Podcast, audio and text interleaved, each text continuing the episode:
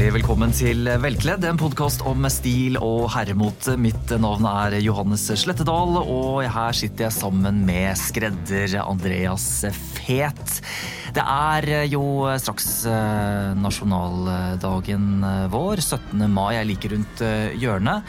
Det er jo ikke helt uh, fremmed å finne fram dressen da, Andreas, men spørsmålet er kanskje hvilken dress bør man velge til 17. mai? Ja. Eh, og om man er så heldig å ha flere dresser å velge mellom, så gjelder det å velge den riktige. Eh, og et godt utgangspunkt da er jo blådressen. Og blådress, da snakker vi om denne marineblå dressen som kanskje de aller fleste har hengende i skapet. Ja, absolutt. Og, og, de fleste har jo gjerne øh, altså blitt solgt en øh, marineblå som er gjerne litt lysere blå enn marineblå, for marineblå er veldig veldig mørkt. Eh, men det går helt fint, ta det helt med ro. Så lenge det er en ish mørktone blå, så er den helt ypperlig. Er det andre dresser man kan velge Eh, som også er en eh, festdress. Alle dresser er jo kanskje en, en, eh, en festdress, men, men, hvis man ikke har en blådress, blådressen kanskje har blitt for liten siden sist, man har ikke fått fjernet flekken fra i fjor eller forrige selskap, er det en annen dress som også er en innertier på 17. mai? Ja, absolutt. Det er jo egentlig ganske enkelt. Fordi at 17. mai er et dag-event, Eh, så kan man jo også velge lyse farger. Og man bør kanskje velge lyse farger. Så jeg vil si at um, du kan omtrent velge hvilken som helst farge på dressen så lenge den ikke er sort. Det er no go, rett og slett? Ja, for meg så blir det litt for mørkt. Da, det, da er vi på kvelden, det er veldig formelt. Um, så jeg syns ikke den passer så godt på dagtid. Hva med skjorte? Skjorter eh, til dress. Der er det jo et hav å velge mellom. Stripete, blå, kanskje lyserosa, for ikke å snakke om den hvite, klassiske skjorten. Det er kanskje den siste de fleste sverger til, eller? Jeg vil tro det, for det er sikkert det de fleste har i skapet. Det er den klassiske, pene, hvite skjorten. Og den kan man for all del bruke. Det gjør det jo veldig enkelt for seg selv, for den kommer jo til å passe omtrent uansett hvilke farger du har på dressen. Og i tillegg kan du velge hvilke farger på slipset du vil. Eh, men hvis man har lyst til å gjøre noe som er litt annerledes, så kan man gjerne gå for en eh, veldig lyseblå skjorte. Enten helt plain eller med veldig fine striper, f.eks. Eh, men jeg tenker også at det er absolutt en anledning til å leke seg litt. Grann, og, å ta Ikke for høy risiko, men, men, bare man trenger ikke å være helt plain. Ta gjerne en litt bold stripe på, på skjorten, og velg kanskje et slips som har litt mønster. Um, fordi at som sagt, dette er jo på dagtid, så man, man er litt løsere i snippen på den måten. Man, man behøver ikke å være så uh, formell og, og, konservativ. Ja, når det kommer til det, altså ikke konservativ, men nettopp det motsatte, å være litt sånn løs i, i snippen. Må man ha noe i eh, halsen? Altså Må man ha en sløyfe eller slips på 17. mai, eller kan man kjøre litt laidback stil og, og ha både én og to knapper uh, åpen? Altså, man kan jo det. Eh, åpne opp snippen og ikke ha noe i halsen.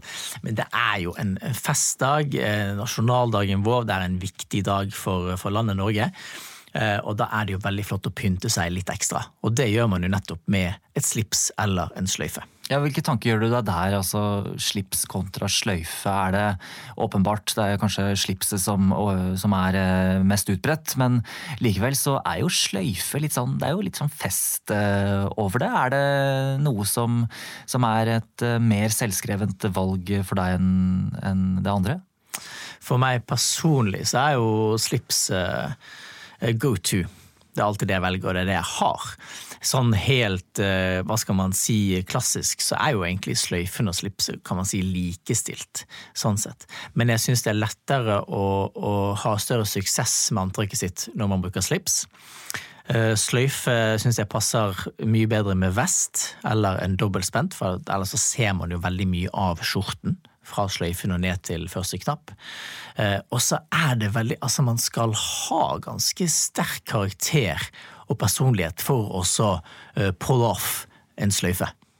Ja, da går jeg vel igjen i den kategorien. Jeg har jo en tendens til å velge sløyfe ganske ofte, men det, Det innbiller jeg meg handler om at eh, sant, når du er nærmere to meter på strømpelesten, så er det noe med at det slipset som også ligger vertikalt, det gjør en bare ekstra høy. altså Du bare fremhever den høyden. En tversoversløyfe som nettopp da går tvers over, den, den bryter litt den høyden og får en til å, å ikke bli fullt så, så, lang som kanskje det slipset eh, fremhever. Mm. Og ditt problem vil jo være at du er såpass høy at du finner kanskje ikke et slips som er langt nok. At det alltid blir litt kort. Ja, det, jeg vet ikke om jeg har erfart eh, det, men da er det mer sånn at jo, nei, det vil jeg ikke si, men jeg sliter mer hvor jeg skal gjøre av bakdelen eh, på slipset. Mm. Eh, den henger jo litt sånn og flagrer etter hvert hvis man ikke bruker en slipsnål. Der vet jeg at du har noen triks hva gjelder å kanskje skjule bakdelen av slipset i skjorten, eller er det no go? Nei, jeg tenker Der må man være litt kreativ, alt hva som passer. ikke sant? På alle slips så har du jo litt sånn bånd bakpå du kan feste den i, men hvis ikke bakdelen når det båndet på baksiden av slipset, så er man jo nødt til å bli kreativ og kanskje putte den inn i skjorten. Eller så vet jeg at du også har en tendens til å legge slipset litt sånn dobbelt, at du fremhever bakstykket. Mm. Legger det rett og slett ved siden av hverandre, den store delen og den tynne delen, hvis man kan si det så enkelt. Og det er jo for å få litt mer flair. Um, flair? Ja, litt, Hva tenker du på da? Um, da tenker jeg på litt mer uh, Altså litt sånn volum, tenker du på? Altså... Ja, få litt mer personlighet, litt mer attitude. Og det kan man også gjøre på 17. mai, eller? I mindre grad, tenker jeg. egentlig. I mindre grad. Ja. Mm. Hva med sko og um, belte? Der har man jo kanskje hørt at uh, kjører man uh, brune sko til en blådress, så skal du ha brunt uh, belte belte. Eh, stemmer det? Det stemmer. Det, sko og belte skal alltid matche. Eh, så, så godt det lar seg gjøre. Det er jo, Med mindre du kjøper belte i samme sted hvor du kjøper sko, det er samme merke og det er samme skinn, så vil du aldri passe 100% Så en sånn Det ser likt ut, det, det holder. Og så dette, dette, beltet, da, er det noe man, man, bør ha hvis man ikke har eh, behov for det for å holde buksen oppe? Tenker det kommer litt an på buksen. De fleste bukser man kjøper i dag, kommer med belteloops, altså at de er ment til å ha belte til. Og hvis det er ment til å ha belte på buksen, så tenker jeg at man skal ha det. Eh, nå er det jo slik at en god dressbukse ikke har disse beltloopsene, fordi at den skal jo passe. Og så har du gjerne da sidejusteringer, sånne små spenner på siden som man kan dra inn og, og slippe ut. Alt etter sånn. Og det er jo det man helst bør ha på en dress. Og da kan man selvfølgelig ikke ha belte. For å ta um, skoene da, Andreas. Eh, der har jo kanskje de fleste liksom det hovedparet når det kommer til pensko, et par sorte pensko. Eh, likevel så er det jo kanskje fint vær på 17. mai, og da er det fint å kjøre brunt. Hvilke tanker eh, gjør du deg her? Jeg tenker at begge deler går veldig fint siden vi holder til på dagen. Ikke noe problem. Du har jo selvfølgelig de klassiske reglene never brown in town. Altså ikke noe brunt sko i byen. Ok. Eh, hvor kommer det uttrykket fra? Eh, nei, du, det vet jeg ikke hvor kommer fra, altså, men vi er jo noen tiår tilbake i tid. Um, men jeg, jeg, tenker at den regelen har vi, har vi brutt. Og, eh, sånn, som et kollektiv eh, samfunn. Eh, så jeg tenker at det går helt fint.